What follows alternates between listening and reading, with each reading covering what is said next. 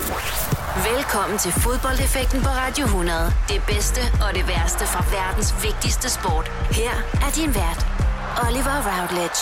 I feel glorious, glorious. Velkommen til denne uges udgave af Fodboldeffekten. Det er jo programmet, hvor I vi snakker om minder. Minder, som kan forankre en person til et vist sted med nogle visse personer, og som skaber den glæde og eufori, som kun fodbold det kan.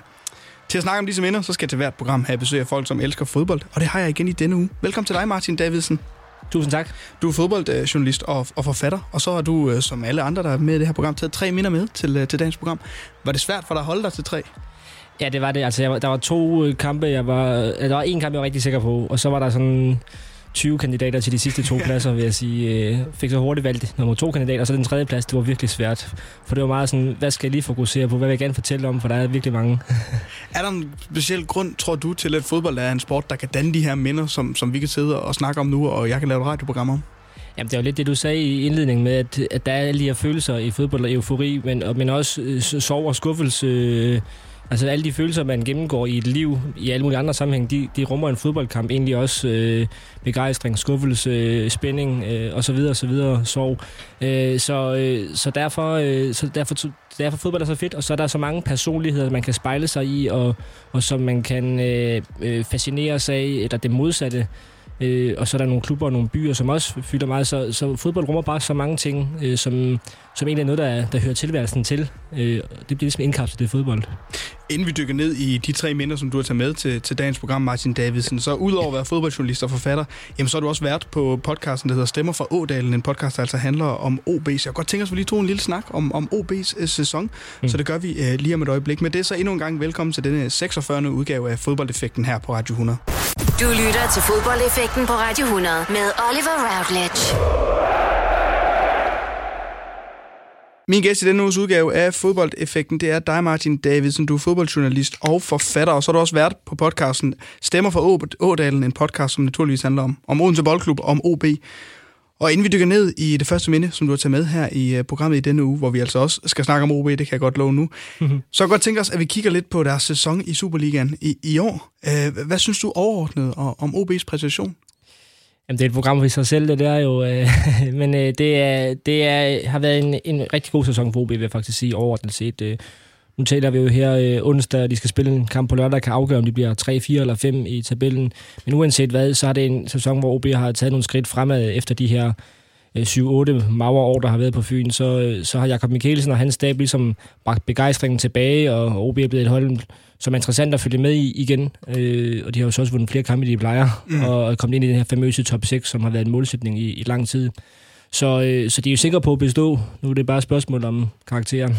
Hvad er det, Jakob Mikkelsen øh, synes du har gjort anderledes i forhold til, man havde nogle år med Ken Nielsen, hvor det ikke sådan helt, man, man, det var som om, man aldrig rigtig nåede det topniveau, som Ken Nielsen, han havde, han havde vist det andre steder, han kunne nå, eller i hvert fald i OB. Hvad gjorde Jakob Mikkelsen anderledes i, i den her sæson?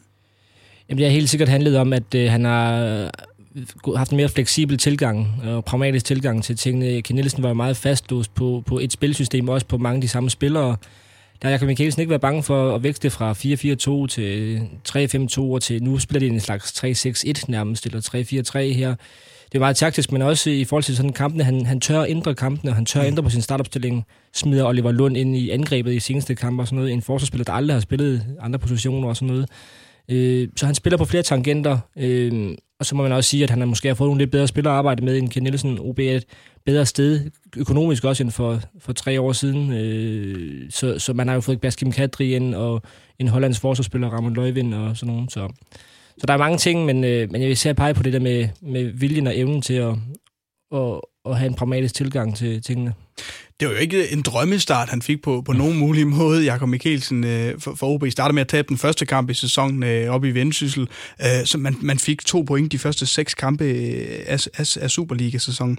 Hvad nåede du at tænke i de der, de der seks kampe? Var du, var du, ret, øh, var du relativt øh, okay med det, fordi man vidste, at det var starten på noget nyt, eller var du lige nervøs på et tidspunkt? Jeg tror, alle Fynboer, øh, der, de, de begyndte at tænke, bliver det nu en nedrykningssæson igen, eller en, en kamp, hvor der skal, en sæson, hvor der skal kæmpes mod nedrykning? Mm. Det var en reel far det efter seks runder, hvor de kun havde et point. Jeg vil så også sige, at, at jeg var en af dem, der sådan ikke afskrev top 6, fordi den sæson er lang, og fordi, som du selv siger, øh, det tager tid, når et hold skal spille sammen under en ny træner. Men jeg tror, jeg kan, det ville jeg forkert mig at stå og sige her, at jeg bare var sikker på, at det nok skulle gå, fordi det, det så sort ud der, og, og der var mange ting, der, der, der ikke fungerede øh, omvendt. Så var det jo ikke kampe, som de tabte stort og sådan noget, så så jeg tror, jeg finder frem til et svar, der hedder, at øh, jeg, jeg ikke var så dybt bekymret, men heller ikke øh, sådan super fortrystningsfuld. Og der var jo også god grund efterfølgende, kunne man finde ud af grund til ikke at være så, så super bekymret. Øh, der kom en god stime for holdet. Det virkede udefra set som om, at OB de, de spillede god fodbold. Øh, mm. Altså fra den 19. august til den 1. december, der taber man kun en enkelt kamp. Det er så på udebane imod Esbjerg, der, der har alle stort set uh, tabt ja. der, derhen i år. Ja. Øhm, når man kommer ind i den her stime, og man følger OB, så er det vel også dejligt at se, at de stribede foden til at spille så god fodbold igen. Det er noget, øh, som der netop har været længe undervejs i, i OB, fordi de har haft de her 7-8 år med over, og i de der store klubber, som jeg jo stadigvæk vil kalde OB, de her store provinsbyer, de er jo tynget af historien på en eller anden måde. AGF, OB og OB, de bliver altid blevet sammenlignet med, med, de, med dengang det gik godt. Hmm.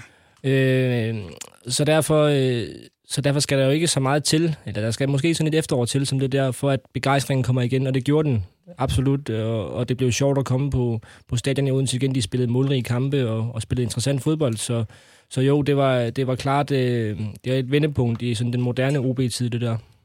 Og så er det jo så efter 26 kampe øh, i Superligaen, at grundspillet det, det bliver slut, og Der lå OB altså øh, nummer 3, øh, to, øh, 42 point. Man sluttede uh, grundspillet af med fem sejre i, i træk, takket være dem. Altså, uh, formen i mesterskabsspillet har været... Uh, man kom lidt dalende fra start, kan, kan man ja. sige. Man, man er kommet okay efter det her på det sidste. Man har fået to sejre ud af ni, ni mulige. Uh, man røg ud af pokalturneringen i semifinalen. Uh, man tabte 4-0 uh, ja. til, til, til FC Midtjylland. Hvordan er stemningen her i, i afslutningen af sæsonen øh, ude, ude i Ådalen? Fordi som du selv siger, man kan både få en tredje, fjerde og femte ja. plads. Du accepterer, hvad, hvad, hvad det så end bliver, fordi det ja. har været en, en godkendt sæson. Ja. Men hvordan er stemningen derude i øjeblikket? Anspændt, øh, vil jeg sige. Øh, den kunne have været euforisk, hvis de nu havde vundet mod FC Nordsjælland i søndags, og, og stadig havde ligget nummer tre, øh, og selv kunne afgøre tingene. Nu øh, er der en vis nervøsitet, fordi det ikke, selvom sæsonen vil være godkendt, det tror jeg alle er enige om, så er alle nok også enige om, at det vil være en skuffelse at slutte som nummer 4 eller 5, fordi man har ligget som nummer 3 i så lang tid, og havde sådan et fint udgangspunkt, da slutspillet begyndte. Mm. Man har haft de egne hænder, og nu har man tabt det på gulvet. Det er den følelse, man har af lige nu. Øh, omvendt, så vil den der tredjeplads, øh, hvis den så kommer i hus på lørdag, så vil der være eufori. Øh, det, ja, hvad vil det betyde for OB at få medaljer igen? Det vil betyde alverden, fordi vi i stedet for, den, vi plejer at sådan definere en, en mindeværdig sæson, øh, som enten øh, noget, der har med medaljer, øh, Europa eller pokaltitel at gøre. Ja. Øh, så, så hvis, man kan sige lidt groft sagt, at hvis de ikke får en af de ting der, så, øh, så er det en sæson til glemmebogen. Sådan i historisk perspektiv, man vil jo aldrig kigge ned på den sæson og tænke, okay, det bliver nummer 5, wow. Det vil man, hvis de bliver nummer 3. Det er stort at, at mm. være en top 3-klub i Danmark, og, og, det, og det er OB's selvforståelse, i hvert fald blandt øh, fans og fynboer, at, at man skal præge toppen af dansk fodbold. Øh, så derfor... Øh, så derfor vil det være en, en kæmpe bedrift, især når man tænker på, øh, hvad de kommer fra i de foregående sæsoner. Og så er der en enkelt kamp øh, tilbage øh, af sæsonen, som ser nu. Det er i, imod Brøndby øh, på hjemmebane. Der er allerede solgt 10.000 billetter øh, til ja. den her kamp. Man regner med, at der kan komme imellem 12 og, og 15.000 inden, uh, inden at se, se OB spille. Hvad betyder det også, at der igen er en god stemning ja. i Odense om, omkring OB og, og byens hold? For det er det jo. Ja, Jamen, det betyder nemlig det betyder næsten endnu mere, tror jeg, end en tredjeplads vil gøre. Øh, hvis I, i hvert fald, hvis man kan holde fast i dem. Nu, nu kommer der så tredje kamp på, på kort tid med, med over 10-11.000 tilskuere. Øh, så, så, så mange tilskuere var der slet ikke til en enkelt kamp sidste, sidste sæson. Øh, og det har været et problem i lang tid for OB for at få, få samlet byen omkring holdet, fordi det er gået så dårligt, og fordi, øh, fordi der har været sådan en, en negativ stemning omkring det hele. Nu er det ligesom blevet... Øh, jeg ved ikke, om det er cool, men det er i hvert fald øh, okay at holde med OB igen, og, og noget folk er stolte af igen.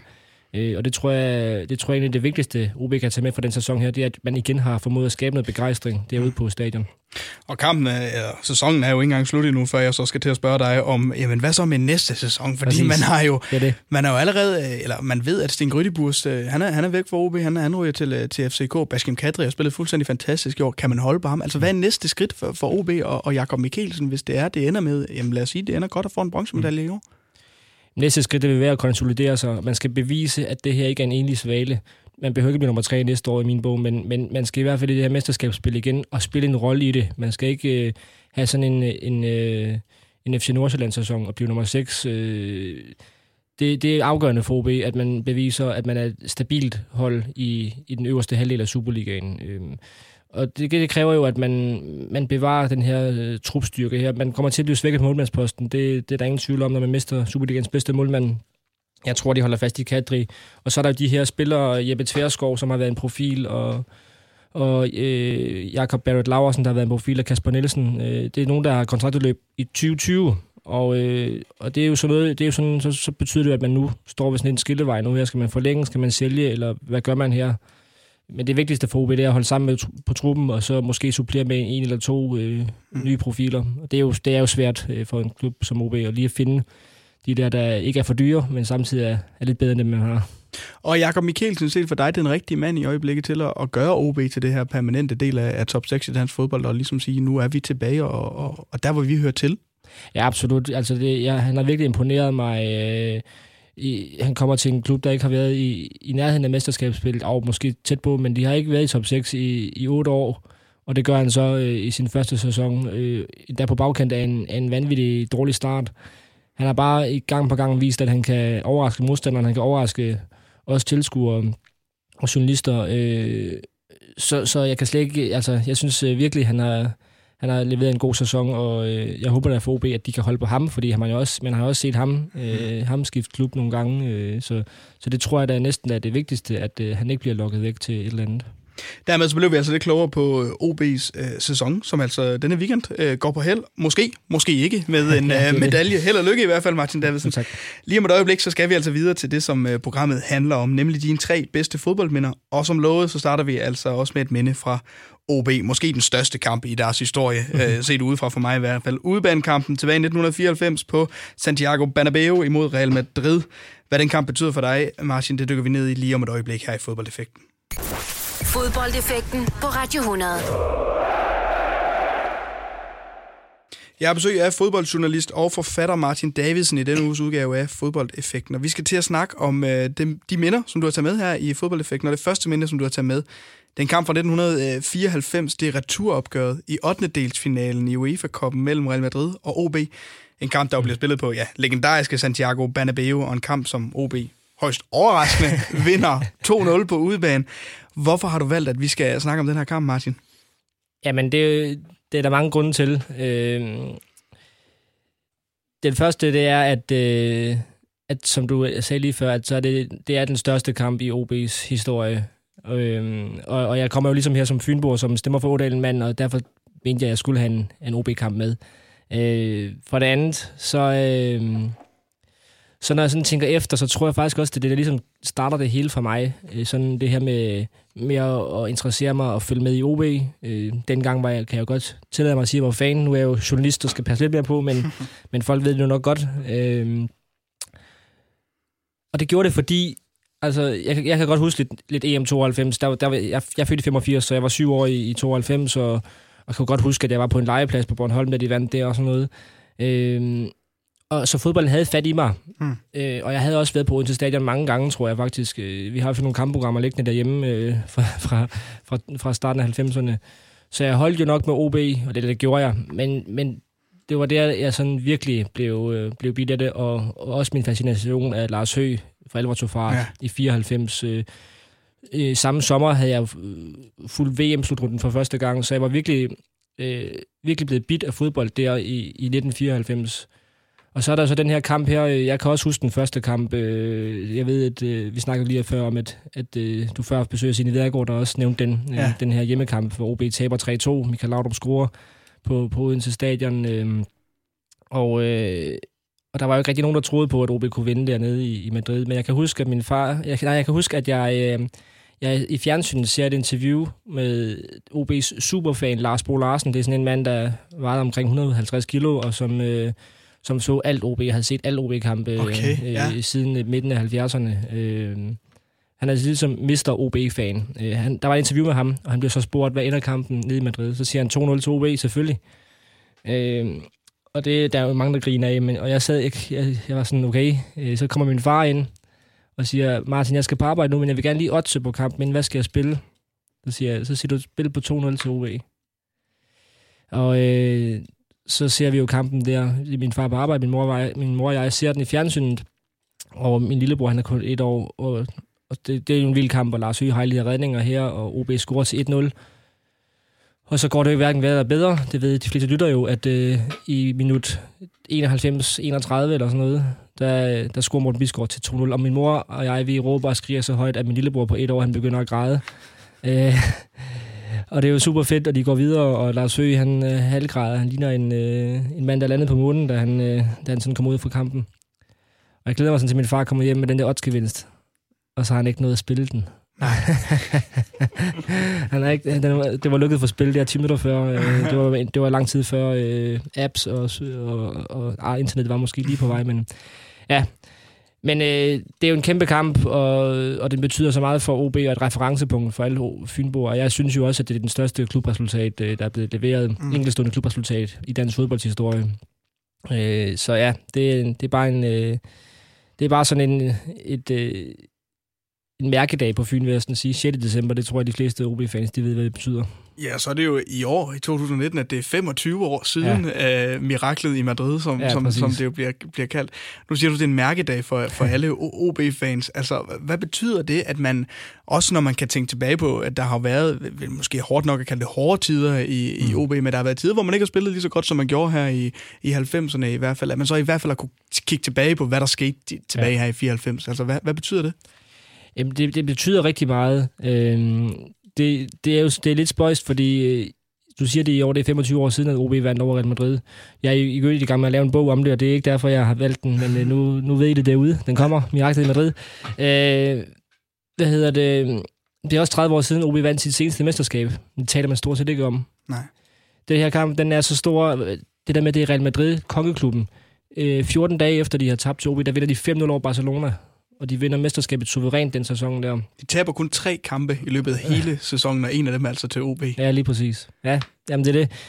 Jamen det, det, det, det er et referencepunkt, og det er en mærkedag, fordi øh, mange af de spillere der, det er Fynboer næsten alle sammen. Jeg tror, otte af spillerne i startopstillingen, de, de har spillet i OB's ungdomsafdeling. Øh, så det er en, det er så, der, der er sådan malet OB og Odense over, ud over den der begivenhed der. Øh, det er jo sådan nu bliver jeg lidt højdragende, men det er jo Odense og OB svar på EM92. Altså, mm-hmm. alle OB-fans ved, hvad de lavede den dag. Øhm, og så er det jo sådan, så er det jo Lars Høghs største bedrift, og Lars Høgh er jo også bare øh, en, øh, en ambassadør for Fyn og for, for Odense og for OB.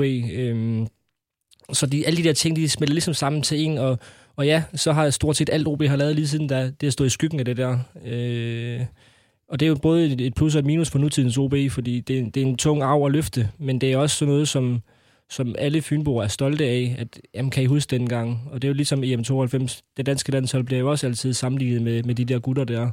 Øh, så det, den, er, den er en dobbeltsidet, men jeg synes jo mest af alt, at det er en, øh, en stor begivenhed. Og, og ja, en, øh, jeg får næsten gås ud, når vi taler ja. om det. Men det kan jeg mærke, at jeg også gør, når jeg hører dig øh, øh, snakke om det. Ja. Nu er det klart, at du er kun ni år øh, på det her tidspunkt, Martin, så det er måske ikke så meget af selve forløbet af, mm. af kampen, du, du som sådan kan huske. Men jeg kan, når jeg kigger tilbage på det her og, og læser op på jeg det... Jeg har set nogle gange i fjernsynet. ja, så, øh, så efter kampen i Odense, der bliver Michael Laudrup interviewet og siger, at det er klart, at OB nu skal øh, til Real Madrid og vinde 2-0, og det er svært. Ja. Øh, var der en fornemmelse, tror du, af Real Madrid, øh, om at vi skal bare spille imod OB på hjemmebane. I, altså, det er, ikke, det er ikke svært. Tog mig lidt for let på den her opgave ja. i, i, i sin tid, tror du? Nu er jeg nødt til at referere til den bog, jeg er i gang med at lave igen. Det er dejligt. Fordi, Gør det bare. øh, jeg har jo selvfølgelig dykket meget ned i, i arkiverne omkring det der, og jeg har faktisk også været i kontakt med Michael Laudrup øh, i forbindelse med arbejdet med bogen, og han siger jo, at, at ja, det, det, han havde prøvet virkelig at overbevise sine holdkammerater om, at, at, øh, at nu skal det er ikke overstået endnu. Men det kan jo ikke undgås. Og så gør man, altså det kan ikke undgås, at de ligesom tænker, tænker på noget andet. Og der er jo mange OB'er, der også siger, at jamen, det var faktisk godt, Michael Laudrup scorede til 3-2. Fordi øh, så følte de sig sikre, mm. Real Madrid. Havde det nu blevet 2-2, så, så, så øh, havde de nok taget det mere alvorligt på hjemmebane. Øhm, så, så jo, de undervurderede selvfølgelig OB, og de, men de havde også en indstilling, en, en sådan mærkelig indstilling til kampen, fordi de ville jo ud og vise sig frem, og det de kommer bagud til OB 1-0, det er jo fint for Real Madrid, de går stadig videre, men der, der har de en stolthed og en, og en ære over for deres eget hjemmebane-publikum. De vil op og, og vinde den kamp her, så de begynder at angribe det i, i slutningen af kampen.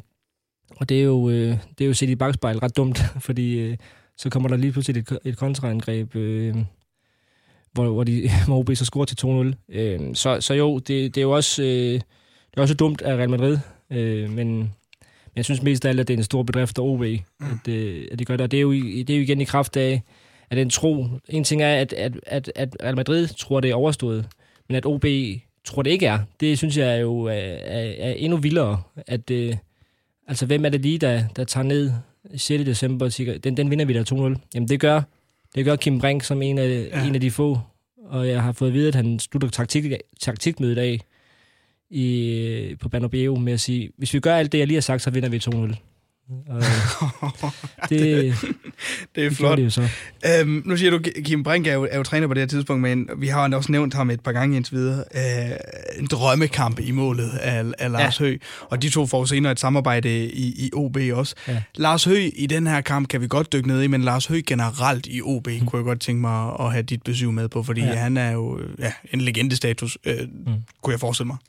Absolut, og ordet legende er næsten ikke... Øh, altså, det er jo, det, det er jo lidt udvandet, så øh, han er jo mere end det, synes jeg. Han er, ja. han er jo næsten OB, øh, og, og nu er det sådan blevet lidt... Han, han er jo en målmandstræner i Brøndby nu og sådan noget, men, men han, øh, han spiller tid der. Øh, 817 førsteholdskampe, det er der jo ingen, øh, ingen, der kan matche i nogle klubber i Danmark. Øh, 817 kampe på højt niveau endda.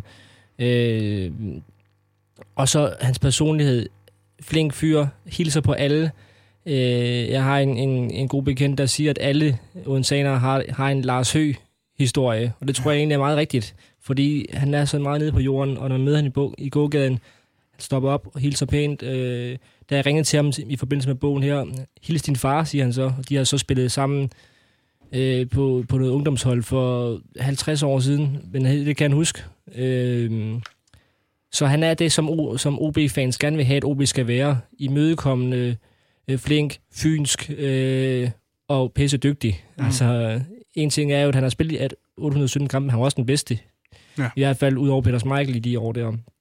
Og faktisk så, øh, i forbindelse med det Madrid-kampe der, nu hvor jeg læser det, de der gamle aviser, hvor dengang, der er jo læserbrev i Ekstrabladet, øh, og, og en Københavnervisen, Ekstrabladet, hvor folk de vil have Lars Høgh på landsholdet i stedet for Peter Michael, ja. som jo altså var verdens bedste. Så det, det siger jo noget om, hvor, hvor god han var. Øh, men han, men han, er, han, han er bare... Øh, han, han bærer bare den klub der, og han...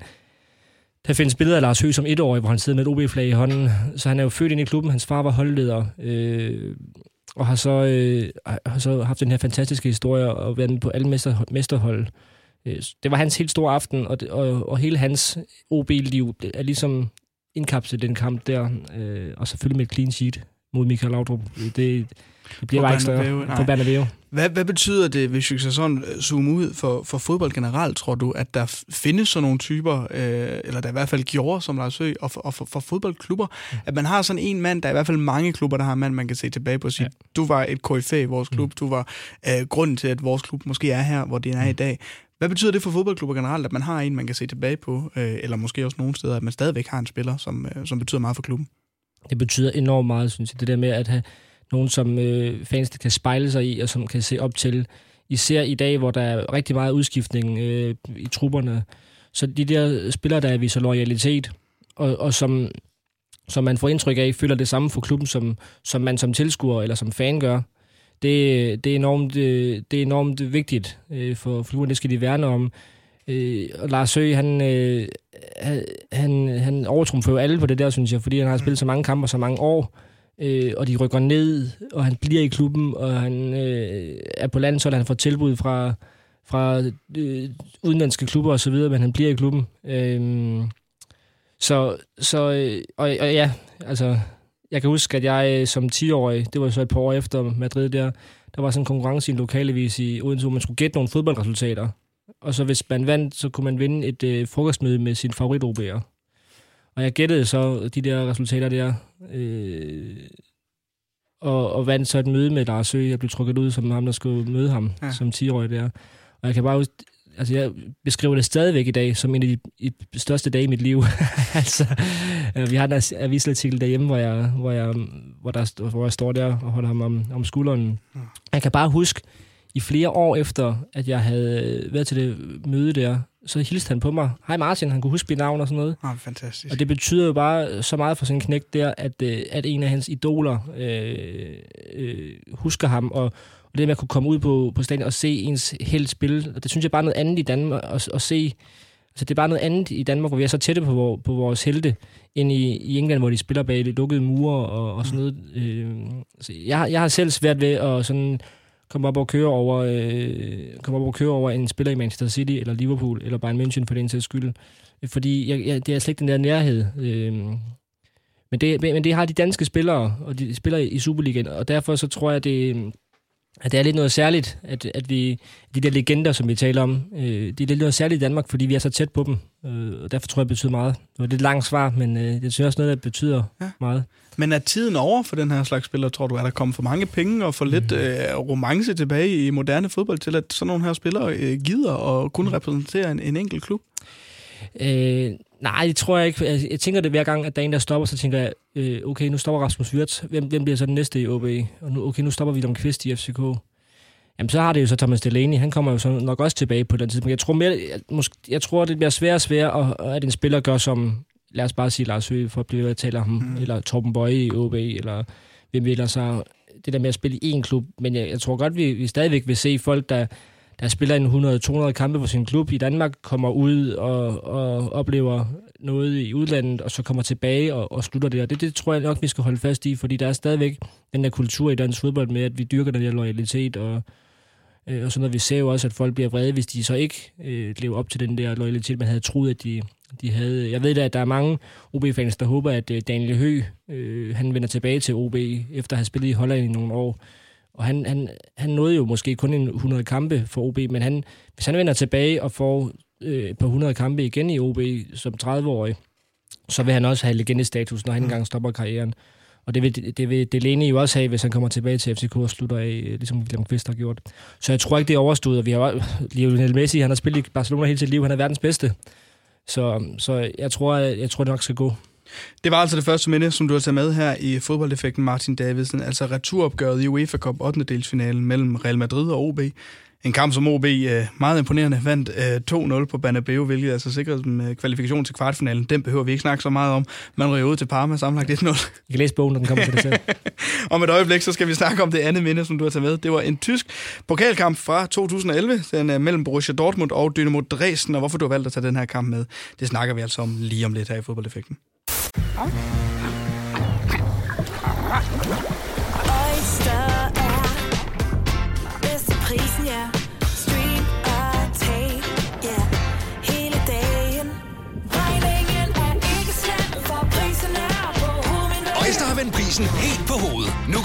betaler 50 GB data for kun 66 kroner de første 6 måneder. Øjster, det er bedst til prisen. Fagforeningen 3F tager fodbold til nye højder. Nogle ting er nemlig kampen værd.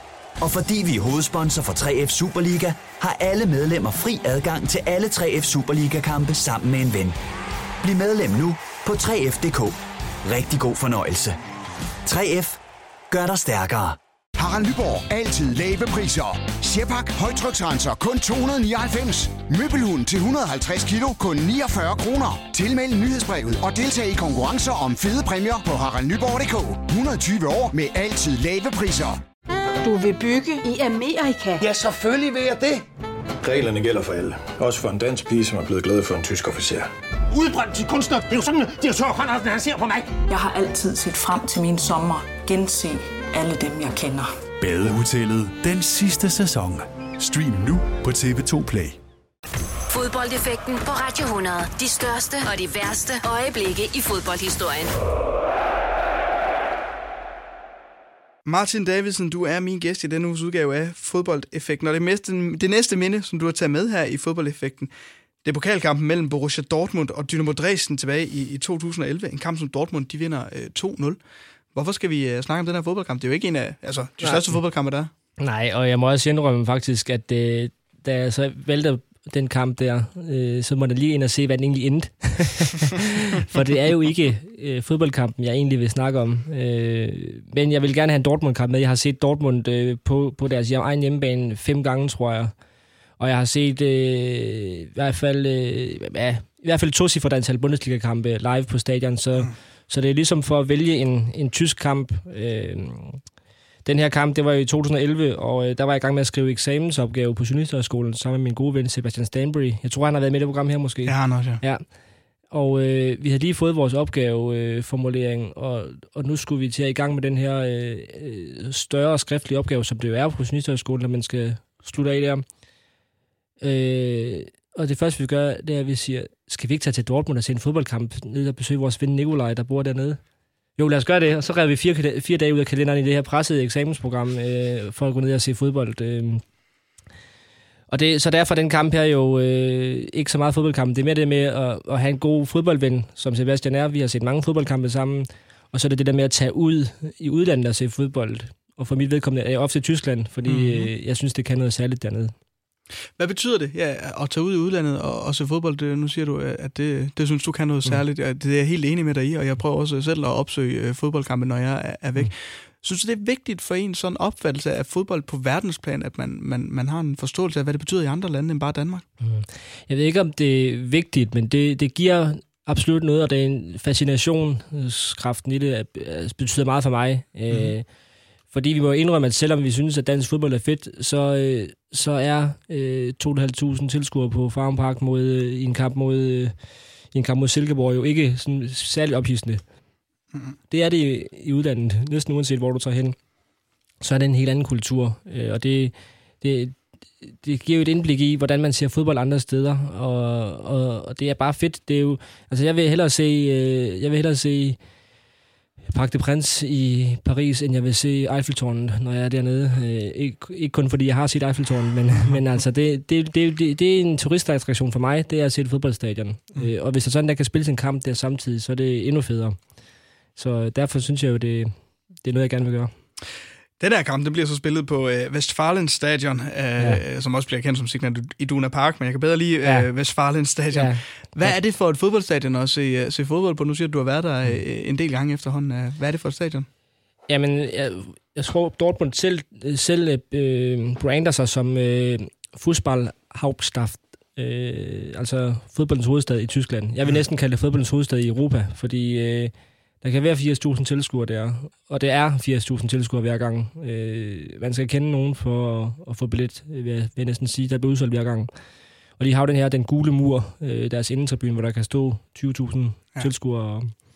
Det gør det også. Og det gør det også. og de synger igennem, og der er bare en øh, for vild kulisse. Jeg har faktisk lige, øh, jeg har lige bestilt en fodboldbog, eller en bog om, der hedder øh, How to Build the, the Yellow Wall, eller sådan noget, øh, mm. som... Øh, som handler om den fodboldkulturen i Dortmund. Og det er jo en by, som, øh, som ikke har så meget andet at byde på end fodbold. Jeg synes egentlig, deres gågade er fint nok. Men, men altså, der, der, er jo der er ikke nogen turistattraktioner. Øh, så du tager til Dortmund for at se fodbold. Og jeg tror også, hvis du spørger alle danskere for eksempel, og, og stort set alle andre øh, end tyskere, om øh, hvis man siger Dortmund til dem, så vil de jo sige fodbold. Hmm. Og det er bare en, by, en by, der, der emmer af fodbold. Øh, der findes øh, Dortmund-fans, der har, der har malet deres hus gult. Altså deres eget hus, deres hjem, de skal bo i, det er gult, og de har indrettet øh, værelser med gult tapet, og det er jo, altså, jeg vil sige, Dortmunds klubfarve er ikke særlig pæne, synes jeg, gult og sort. men, men det emmer bare af fodbold, og det er øh, at se, hvor meget det betyder for de folk der. Det, øh, det er kæmpestort. Nu valgte jeg den her kamp mod Dynamo Dresden, fordi Dresden så også er en speciel fodboldby. Det ja. gamle Østtyskland og, og, og sådan noget. Det her, det var en tirsdag aften, og der kom 6.000 øh, fans fra Dresden. Der er fandme langt fra Dresden til, øh, undskyld banner, men ja. øh, fra Dresden til Dortmund øh, ja. på en tirsdag. Men der kom 6.000, og de gav den bare mega gas med romerlys og og jeg ved ikke, hvad der var... Der var faktisk ret stort politiopbud, fordi øh, de østtyske fans øh, fra Dresden der, de er sådan rimelig berygtede. Og der var også godt gang i den. Øh, så der fik man bare, bare både det, det bedste, og måske også lidt af det værste fra tysk fodboldkultur, for jeg tror også, der var lidt ballade med de der fans, men, men det var bare så fascinerende at se, sidde der en tirsdag aften, og så se øh, folk gå så meget op i, i øh, 22 mand og en ophustet komave. Mm. Nu siger det her minde, det er lige så meget for at, at snakke om fodboldkultur, men også fodboldvenskab. Du er nede og se ja. den her uh, sammen med Sebastian Sambury, besøger Nicolai, er det Nicolai Lisberg? Ja, nede ja, ja, lige præcis. Han har også været med her i, okay. i programmet. uh, han har også skarp i tysk fodbold, kan jeg sige. Ja. Men, men hvad, hvad betyder det så for dig, det her med, fordi det virker som om, at, at, at skabe venskaber øh, omkring fodbold, skaber jo også øh, fodboldminder, kan man sige. Ja. Altså, og et fodboldminde er også mange gange defineret af, hvem man, hvem man ser Ja, det sammen præcis. med. Har det betydet noget for dine fodboldminder, at du har haft de her fodboldvenskaber at, at se tilbage på? Ja, men helt vildt. Og der er mange øh, af mine venskaber, der ikke vil være venskaber, hvis vi ikke interesserer os for fodbold, fordi jo, så, så, så udvider det sig jo, men det starter altid med fodbold. Øh, Det er ikke mere end øh, et par uger siden, at jeg var, var med et kam- par kammerater i, øh, også i Tyskland, i Hannover, for at se en Bundesliga-kamp. Mm. Og vi kørte derned, og, og meget af turen handlede jo om, kan I huske, da vi var i Liverpool sammen for 20 år siden, og, og se Liverpool-Arsenal. Øh, det, det, er jo, det er jo bare fedt at rejse sammen generelt. Øh, og det skaber, som du siger, nogle, nogle fælles minder.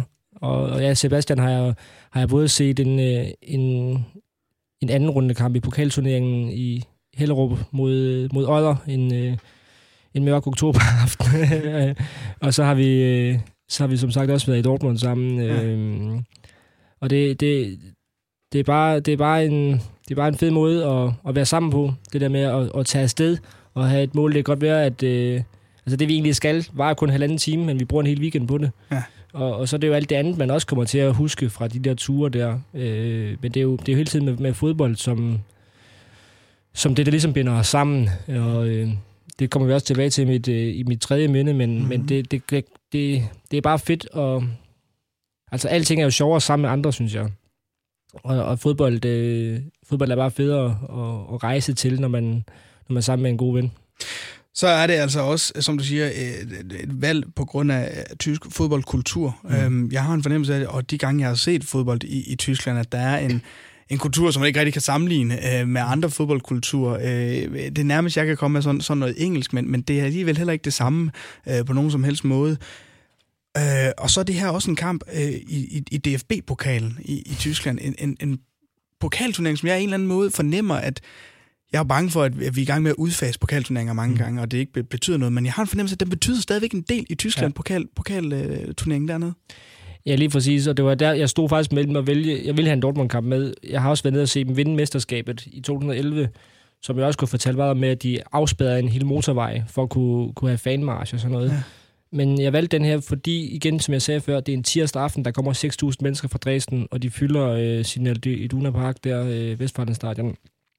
Så det viser jo, hvor, hvor stor betydning det er en kamp mod en Bundesliga-hold, og et hold fra anden Bundesliga. Mm. Det svarer jo til, at, at, øh, at FCK eller Brøndby skulle møde øh, vandløse eller sådan noget, og, og man så stadigvæk fyldt stadion. Det sker jo ikke i Danmark. Øh, og, og de tager de her kampe alvorligt. Jeg, okay, jeg har ikke lige startopstillingen. Det skulle jeg måske have kigget på. Men, jeg har den her. Ja, jeg går ud fra, at øh, det, jo, det, kan jeg faktisk huske. Lewandowski scorer jo, og Mario Götze scorer. De stiller i stærkeste hold, Dortmund. Yep. Og det siger jo også noget om, at de mm. tager det alvorligt. Øh, hvorimod man jo i England ofte ser, at de der Premier League-klubber i de indledende runder kører en masse reservespillere. Mm. Øh, så jo, og det, og det, men det er jo det, jeg synes, Tyskland, de tager virkelig fodbold alvorligt, og de tager fansene alvorligt. Jeg tror, at, øh, jeg tror faktisk, det er Lisbjerg, der har sagt på et tidspunkt, at, i Tyskland, der, der er fansene i centrum. Og det, det, der, der laver man øh, selvfølgelig også fodbold for at tjene penge, men øh, man gør det i høj grad med, med fansene for øje. Ja. Og der kan man jo godt have et indtryk i andre lande, at øh, det handler det først og fremmest om at tjene penge, og så, øh, så kan det godt være, der skal noget publikum på os øh, efterfølgende. Men øh, det synes jeg, det er Tyskland kan. Men lever tysk fodboldkultur måske ikke også lidt på, at den ikke er så vældig populær, som Premier League er i, i andre dele af, af verden? Fordi man kan sige, det er jo også øh, nemt at sige, at man gør det for fans skyld, når der ikke kommer øh, tusind mennesker fra Kina til hver evig eneste fodboldkamp, som der måske gør i Manchester United eller Manchester ja. City nogle gange nemmere. Så derfor kan man måske gøre billetpriserne billigere, end man kan øh, i England, hvor man tænker, okay, hvis vi skruer op for det, så sælger vi også billetterne, øh, fordi der er folk, der gerne vil, vil købe de her penge. Gør det det mere øh, sjovt at se fodbold i Tyskland, at det stadigvæk er meget øh, lokalt, og det er fodbold for, for fodboldfans virkelig? Ja, det, jeg kan godt følge dig i det der med, at det, det er jo lidt sådan kult og lidt, øh, lidt undergrund stadigvæk øh, mm. at tage til tysk fodbold, men, men altså, de, de fylder jo altså stadierne, og, og som, jo, jo, det er jo, det er jo federe at se en kamp i Dortmund, hvor de råber og skriger på tysk, i stedet for øh, i Premier League, hvor, hvor der i hvert fald på nogle stadioner bliver det jo sammenlignet lidt med et bibliotek. Mm. Nu har jeg nu har jeg både set fodbold på Anfield og, og Old Trafford og sådan noget, og den der Old Trafford kom, det var, det var så heldigvis en hverdag i en Champions League øh, kvartfinale, tror jeg. Øh, så der var faktisk ret god stemning, men, men jeg kan da godt huske, øh, Jeg kan godt huske nogle fodboldkampe, jeg har set i England, hvor, hvor jeg var lidt skuffet over, over stemningen. Mm. Men, så jeg ved ikke, om det er nemmere for Tyskland, men altså, de, jeg tror også, der vil komme mange, selvom de skruer lidt op for billetpriserne. Men det er jo fedt, at de ikke gør det, fordi ja. de så netop... Øh, øh, det er jo et tegn på, at de netop tager fansene alvorligt, og de gerne vil have øh, lokale fans ind, i stedet for... Øh, der er jo også mange øh, asiatiske spillere i Bundesligaen, så de vil jo sikkert godt kunne sælge mm. øh, nogle ture derovre på den måde også. Og så lige til, til afslutningsvis, hvad betyder nu kan man sige, øh, øh, fodbold for, for fansene i Tyskland? For der er ingen tvivl om, at fodbolden er for fansene i Tyskland, som vi siger her, men, men hvad betyder fodbolden for fansene? Fordi jeg har selv oplevet, de gange jeg har set fodbold i Tyskland, jamen så har det været, så har jeg været se Union Berlin, mm. i stedet for at se Hertha Berlin, men ja. der, der er sgu også fyldt, altså der, der, der er også folk, der er inde og se dem. Øh, hvad betyder at have, øh, for tyskere at have fodbold øh, at gå op i? Jamen, jeg tror, det betyder enormt meget, og man, skal, man kan gå helt tilbage til, til 1954 for ligesom at sige, øh, okay, øh, der har været en verdenskrig, der er, folk er flove over at være tyskere og sådan noget. Så vinder Vesttyskland øh, VM i, i Bern, øh, og det gør jo ligesom, at, at man igen tør at være stolt over at være tysker, tør at hejse det tyske flag. Øh, og det, det, det er sådan et godt billede på, hvad fodbold betyder. Øh, jeg tror, der er rigtig mange byer i Tyskland, hvor, hvor det kun er fodbold, man går op i. Og, og det er sådan hele, hele spektret af folk. Jeg kan huske den der Dortmund-mesterskabsfest, der jeg var nede til. Der gik, øh, der gik gamle damer øh, på, på 65 år, der havde hjemmestrikket Dortmund-sweater på, og der gik, øh, der gik hårde, skaldede mænd øh, med, med lederveste, og der gik øh, små børn på 4-5 år på de gader der og flagede med Dortmund-flag. Så det er, jo, det er jo hele generationer, det er hele familier, der, det, som fødes i de klubber her, og, og det er bare fedt at se, hvor meget det, det fylder for folk, og hvor meget det betyder, og også den stemning, der er omkring kampene. Med, det, gør, det gør man så også i England og i andre steder, men det med, at to timer før kampen, den der Hannover-kamp, vi var nede at se, der var jeg ude ved stadion to timer før kamp, og der var bare proppet ud foran med folk, der sad på bænke og bierstubestemning og, og så videre og så videre. Og det var bare, det er bare helt, det er noget helt særligt, synes jeg. Og så lige afslutningsvis, det her Dortmund-hold i den her periode også, ja. øh, er jo et fantastisk fodboldhold at, at, at, følge. Så, og det er jo med, som du siger, nu Lewandowski og Götze, der scorer, men det er også en Kagawa, der spiller godt. Det er en Groskreutz, Svend Bender, Sebastian Kehl, Mats Hummels er der Hummels stadigvæk. Også, ja. øhm, hvad var det her for Dortmund, har været nede og se at spille fodbold? Altså, det er jo også øh, en, en Jürgen Klopp, ja, der, der er ja, en pissedygtig træner ud, ja. tvivlsomt. Ja, Jamen, det, det var et super, super godt Dortmund-hold. Det var jo helt vildt, at de to år i træk blev tysk mestre i de år der, øh, og jeg var, jeg var nede og se dem tre gange i den ene sæson, der hvor de blev mestre. Øh, og når du nævner de spillere der, det, det er jo helt vildt, øh, og så er det måske ikke så overraskende, at de, at de blev det. De kommer også i en Champions League-final øh, i den periode der, og de vinder også, øh, de vinder også the, the Double, tror jeg faktisk, det er det ene år. Ja, de vinder pokalturneringen den her år, for ja, at se dem. Ja, øh, så, øh, og så er det Jürgen Klopp, som du siger. Jeg er meget fascineret af Jürgen Klopp, og den startede jo fascinationen øh, der øh, i, i de år der. Øh. Så det er jeg jo glad for, at jeg har set det hold der spille, og... Øh, og jeg var sådan helt overrasket over, at jeg kunne som sagt ikke huske, hvad var endt, den kamp der, men det der med, at, at også have set Lewandowski score, øh, en af de største angriber i, i, i det her øh, årti, måske en af det her årtusind, øh, det, er jo, det er jo fantastisk. Så, øh, så ja, klassehold, og, og, øh, og jeg håber, det er jo ærgerligt nu, de kunne have vundet mesterskabet i år også. Det var, de var tæt på. Øh, og jeg, jeg har også et hjerte for Dortmund, der går helt tilbage til Flemming Poulsen og sådan noget. Øh, så, så derfor er det jo et særligt hold, og en helt særlig tid, som, øh, som Dortmund, øh, jeg kan godt kalde mig fan, men, øh, men ja, så det, det er bare fedt at have oplevet. Det var altså det andet minde, som du har taget med her i øh, fodboldeffekten, altså pokalkampen mellem Borussia Dortmund og Dynamo Dresden tilbage i 2011. En kamp, som Dortmund vandt 2-0. Om et øjeblik, så skal vi snakke om det tredje minde, som du har taget med. Det er VM-kampen fra sidste år i 2018 mellem Australien og Danmark. Og hvorfor du har valgt at tage denne kamp med til programmet, det snakker vi altså om øh, lige om lidt. Oyster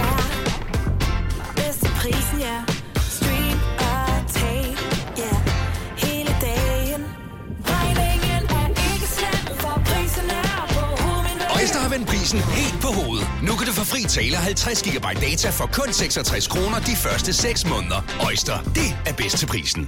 Kom til Spring Sale i Fri Bike Shop og se alle vores fede tilbud på cykler og udstyr til hele familien. For eksempel har vi lynedslag i priserne på en masse populære elcykler. Så slå til nu. Find din nærmeste butik på FriBikeShop.dk.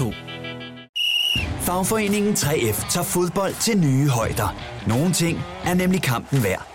Og fordi vi er hovedsponsor for 3F Superliga, har alle medlemmer fri adgang til alle 3F Superliga-kampe sammen med en ven. Bliv medlem nu på 3F.dk. Rigtig god fornøjelse. 3F gør dig stærkere. Vi har opfyldt et ønske hos danskerne. Nemlig at se den ikoniske tom skildpadde ret sammen med vores McFlurry. Det er da den bedste nyhed siden nogensinde. Prøv den lækre McFlurry tom skildpadde hos McDonald's. Fodboldeffekten på Radio 100. Der er altid noget, man husker. I denne uges udgave af Fodboldeffekten, der er jeg besøg af fodboldjournalist og forfatter Martin Davidsen. Det tredje minde, som du har taget med her i øh, Fodboldeffekten, Martin, det er VM-gruppekampen mellem Danmark og Australien. Det er tilbage i sidste år, 2018. Mm. En kamp, der blev spillet i Samara i, i Rusland. En du har gjort 1-1. Hvorfor skal vi snakke om, øh, om den her kamp? Jamen, det rummer sådan rigtig meget af mit fodboldliv. Øh, vi, vi skal snakke om den, fordi Samara hvorfor tager man til Samara? Jeg må aldrig til at komme til Samara igen. Nej. Og jeg har aldrig været der før. Så min far og jeg, øh, som vi også skal tale om lidt, hvorfor det er ham, jeg, jeg, han er en væsentlig årsag til, at jeg vælger den, vælger den kamp her. Mm. Men øh, vi tager jo fra Danmark til Samara en tur på, på tusindvis af kilometer øh, for at se 90 minutters fodbold. Altså, det er kun fodbold, der kan det, at man, man, man rejser så langt for det. Øh, så det rummer det der med at tage ud og se fodbold, som vi snakkede om før. Mm. Og det var jo en vanvittig rejse det over. Vi havde øh, sådan, det, det er svært at komme til, til Samara, øh, så vi havde, det var sådan noget med tre skift. Ja. Øh, flyver til nej, København, Helsinki, og i Helsinki skulle vi så til Moskva, og fra Moskva til, øh, Moskva, ja, til øh, Samara. Og øh, i Helsinki, der bliver vores øh, fly til øh, Moskva så forsinket. Og det er sådan noget med, at vi, vi kommer ud til flyet, så, så holder den der øh, shuttlebus der, den holder bare, og vi får ikke noget at vide. Vi er i Rusland, er vi så i Finland, men det, vi får ikke noget at vide om, hvad der, hvad der sker. Det er et russisk fly. Øh, så kører den tilbage til gaten, og så får vi stadigvæk noget at vide. Og vi kan bare se, okay, vi har altså kun to timer til at skifte i, i, øh, i, i Moskva. Moskva. Okay, nu har vi kun en time, nu har vi kun en halv time. Nu når vi det ikke. og vi ringer jo, og det er russer, og vi kan ikke, og vi kommer til Moskva, og vi har fået at vide, at flyet vil vente på os. Det havde vi faktisk fået at vide. Øh, der er ikke noget at gøre. Det, men vi så sørger for det fly, nej, det er ikke vores ansvar, for det var et andet flyselskab, der kom for sent. Og ja.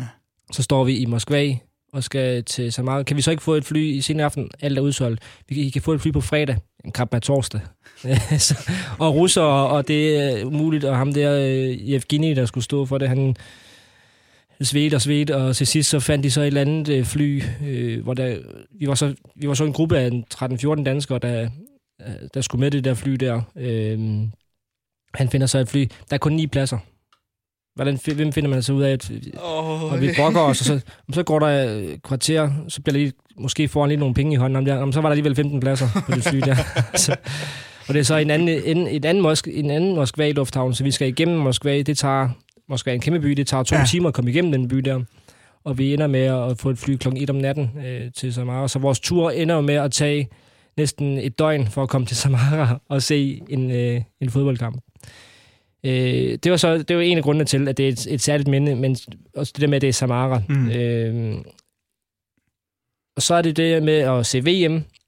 VM er det ypperste for mig. Det, det er tilbage til 1994. Det, mit, jeg kan bare huske det med at sidde og se fodbold fra VM i USA øh, sammen med min far ja. på fjernsynet. Øh, så 94 er bare et, et særligt år for mig, øh, også i forhold til det der OB-kamp der. Men det kan jeg bare huske, at den der VM-slutrunde, det er den første, der, der sætter sig.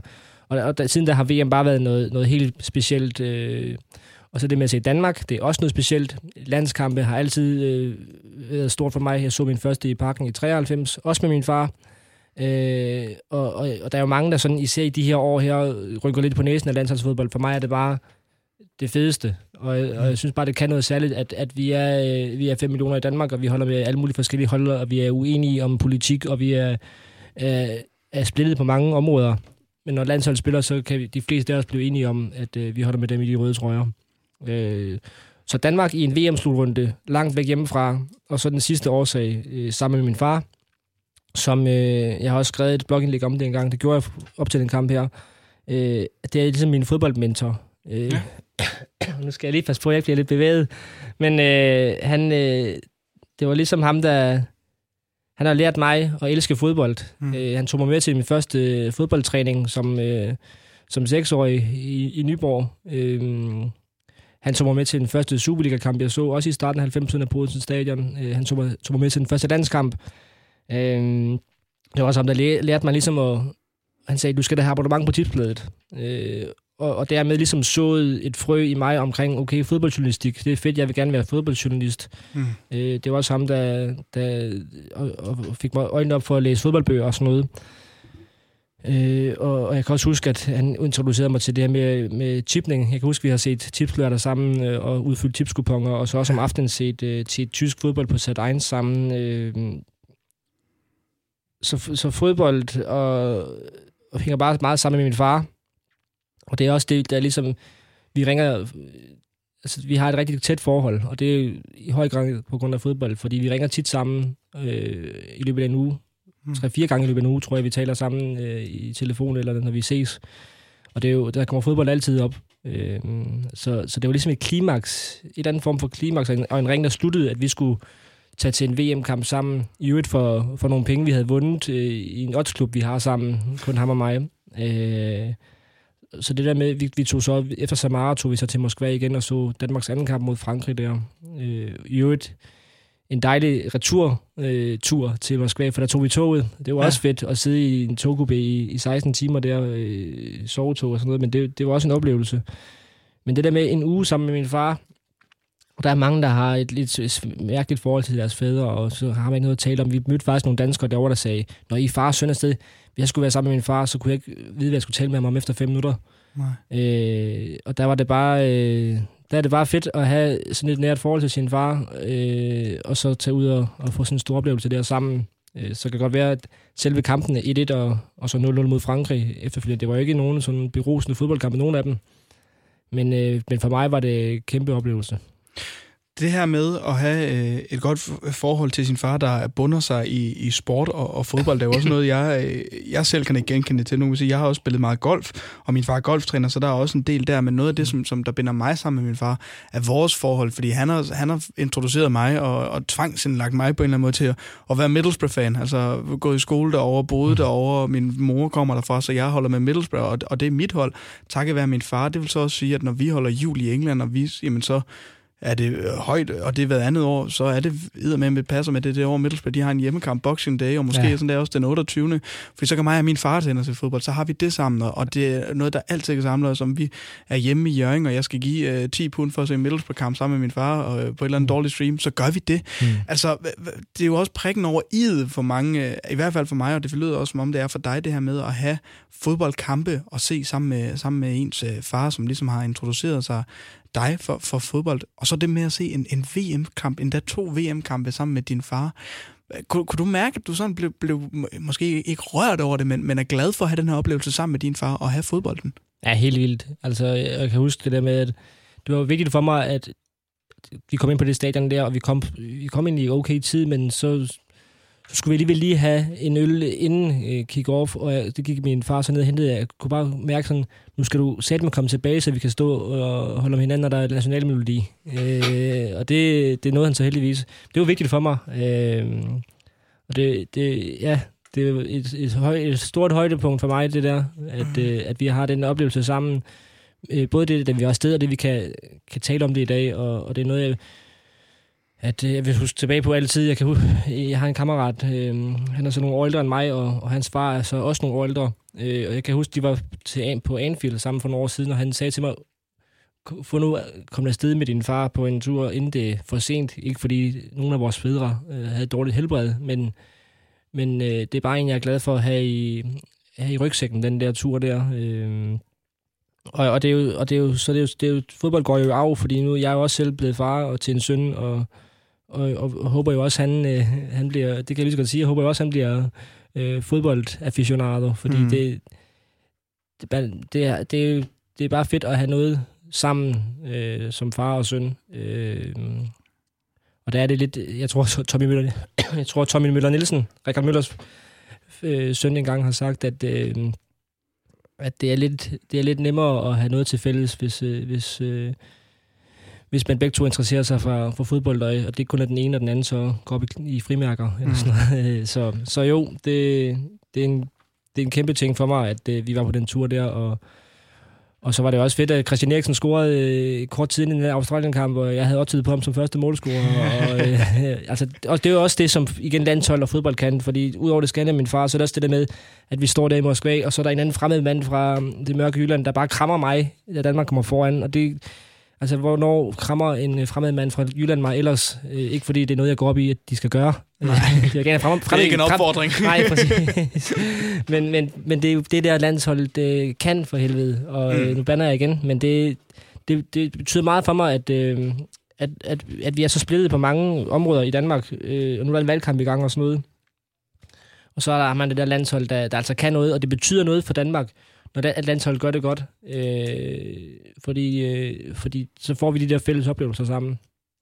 Jeg var også selv øh, i Rusland på grund af, at det var det danske landshold, der skulle spille, og vi, vi skal, det var en VM-slutrunde, og jeg følte, okay, nu er det næste VM-slutrunde ja. i, i Katar. Ja, Hvem præcis. ved derefter? Ja. Hvornår, hvornår er der noget i nærheden, som jeg har lyst til at deltage i? Fordi det også var Rusland, og det, ja. det, det, et, nu siger du selv, det er en fornøjelse at køre en 16 timers lang togtur, men det var det i Rusland. Ja. Altså, der, det, det er virkelig det pænt at, ja. at være der også. Ja. Øh, og så har de jo også et landshold på det her tidspunkt, som klarer sig godt. Mm. Altså, vi, vi, vi er gode og spiller stadigvæk til, stadig, til stadighed og udmærket fodbold. Kasper Smeichel, Simon Kjær, Christian Eriksen, Thomas Delaney. Hvad er det for et dansk landshold, som vi, vi nyder at se på i øjeblikket, synes du? Jamen, jeg synes, det er et fedt uh, landshold. Der er jo lidt en debat omkring det her med, om de, de får nogle resultater Spiller de, spiller de flot nok? Spiller de underholdende nok? Spiller de ambitiøst nok? Øh, og selvfølgelig skal der være forventninger og krav øh, til at udvikle spillet. Øh, men for mig er det jo øh, helt vildt fedt, at de ikke taber fodboldkampe. De er jo ikke, jeg kan ikke huske, hvornår Åke Harreiders landshold har tabt en, øh, en betydende fodboldkamp øh, i ordinær tid. Jeg ved godt, der var en straffesparkskonkurrence. Ja. Og så var der nogle amatører, der, der spillede mod Slovakiet.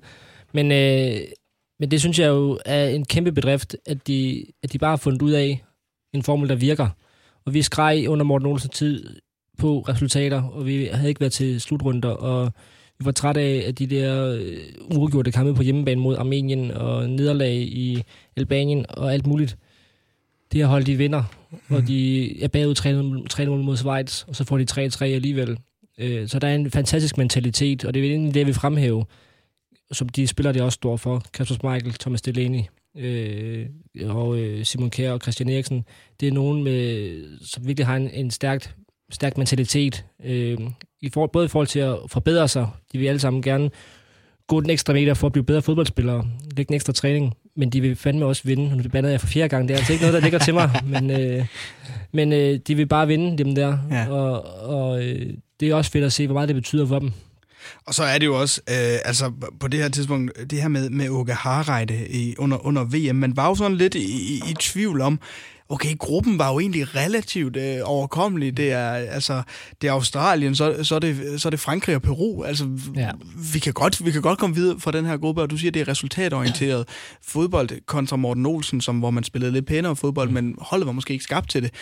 Nu nævner du Christian Eriksen, øh, som jo er en mand, hvor jeg synes måske er det tydeligste eksempel på, at øh, det fungerer ja, under, under Åke Harreide, at han aldrig kom til at spille godt øh, under, under Morten Olsen. Men under Åke Harreide er han jo en fantastisk fodboldspiller, og er det måske også en af grundene til, at Danmark spiller så godt, at man har formået at, at forløse Christian Eriksens potentiale og, og den fodboldspiller, som han, han viser, han er i Tottenham? Ja, absolut. Øh, det, det synes jeg er helt rigtigt set. Øh, nu har jeg også et blødt, punkt for Christian Eriksen i han er Fynbo, og har også spillede en stribet trøje på et tidspunkt, øh, godt nok i ungdomsafdelingen. Men, øh, men jo, han er jo en af, af verdens bedste spillere på sin position, og det kunne vi ikke se på landsholdet i mange år. Men det kan vi se nu, han afgør på de kampe, det han scorer de der mål. Det, det der Irland-kamp, der får os til, til VM, ja. det er jo ham, der gør det. I lidt mod Australien, det er ham, der scorer. Øh, så, og så det der med, at han har de der frispark der, men, men, men hele spillet bliver lagt an på, at han skal fungere. Og det er jo det er godt set af Åke Harreide, at det er det, man skal. At, øh, at han skal ikke tilpasse sig holdet, men holdet skal tilpasse sig ham. Ja. Øhm, og det er jo, han, bliver jo, han er jo altid blevet sammenlignet med, med Michael Laudrup, og, og han havde det også været med, med, med under Richard Møller Nielsen øh, og sådan noget. Øh, så, så, så det er jo ikke bare sådan lige at få en verdensklassespiller til at fungere på et hold. Øh, men det har Åke Harreide gjort, og det er en kæmpe bedrift. Så lige her afslutningsvis, nu har vi kort nævnt Katar, vi behøver ikke snakke om afholdelsen af VM i, i Katar, uh, men, øh, men, men jeg kan godt tænke mig at snakke lidt om, om, om udvidelsen af VM ja. fra 32 til, til 48 hold. Noget af det specielle ved VM, øh, synes jeg, er jo, at der er 32 hold med, men at alle hold i verden, så, så, er, der, så er der 32, der, der kan være med. Mm. Hvis man udvider det, øh, kan jeg godt frygte, at man, man fjerner lidt af magien, øh, ja. der er ved VM. Hvad er din holdning til det her 48-holds øh, VM? Jamen, jeg et eller andet sted lidt, lidt spillet, men så alligevel ikke, fordi jeg kan huske, jeg skrev en klumme om, om det der, hvor jeg skrev, at, øh, at VM i 18 øh, måske var det sidste fede VM. Mm. Dels fordi Katar øh, gør det ufedt øh, i sig selv, og så det der med 48 hold, det udvander det altså, det synes jeg. Og, og jeg synes, det er et, et rigtig fint format, passende format, 32 hold, og det der med 8 puljer, 4, øh, 4 hold i hver pulje, tre kampe mod hinanden, og det er det og så videre.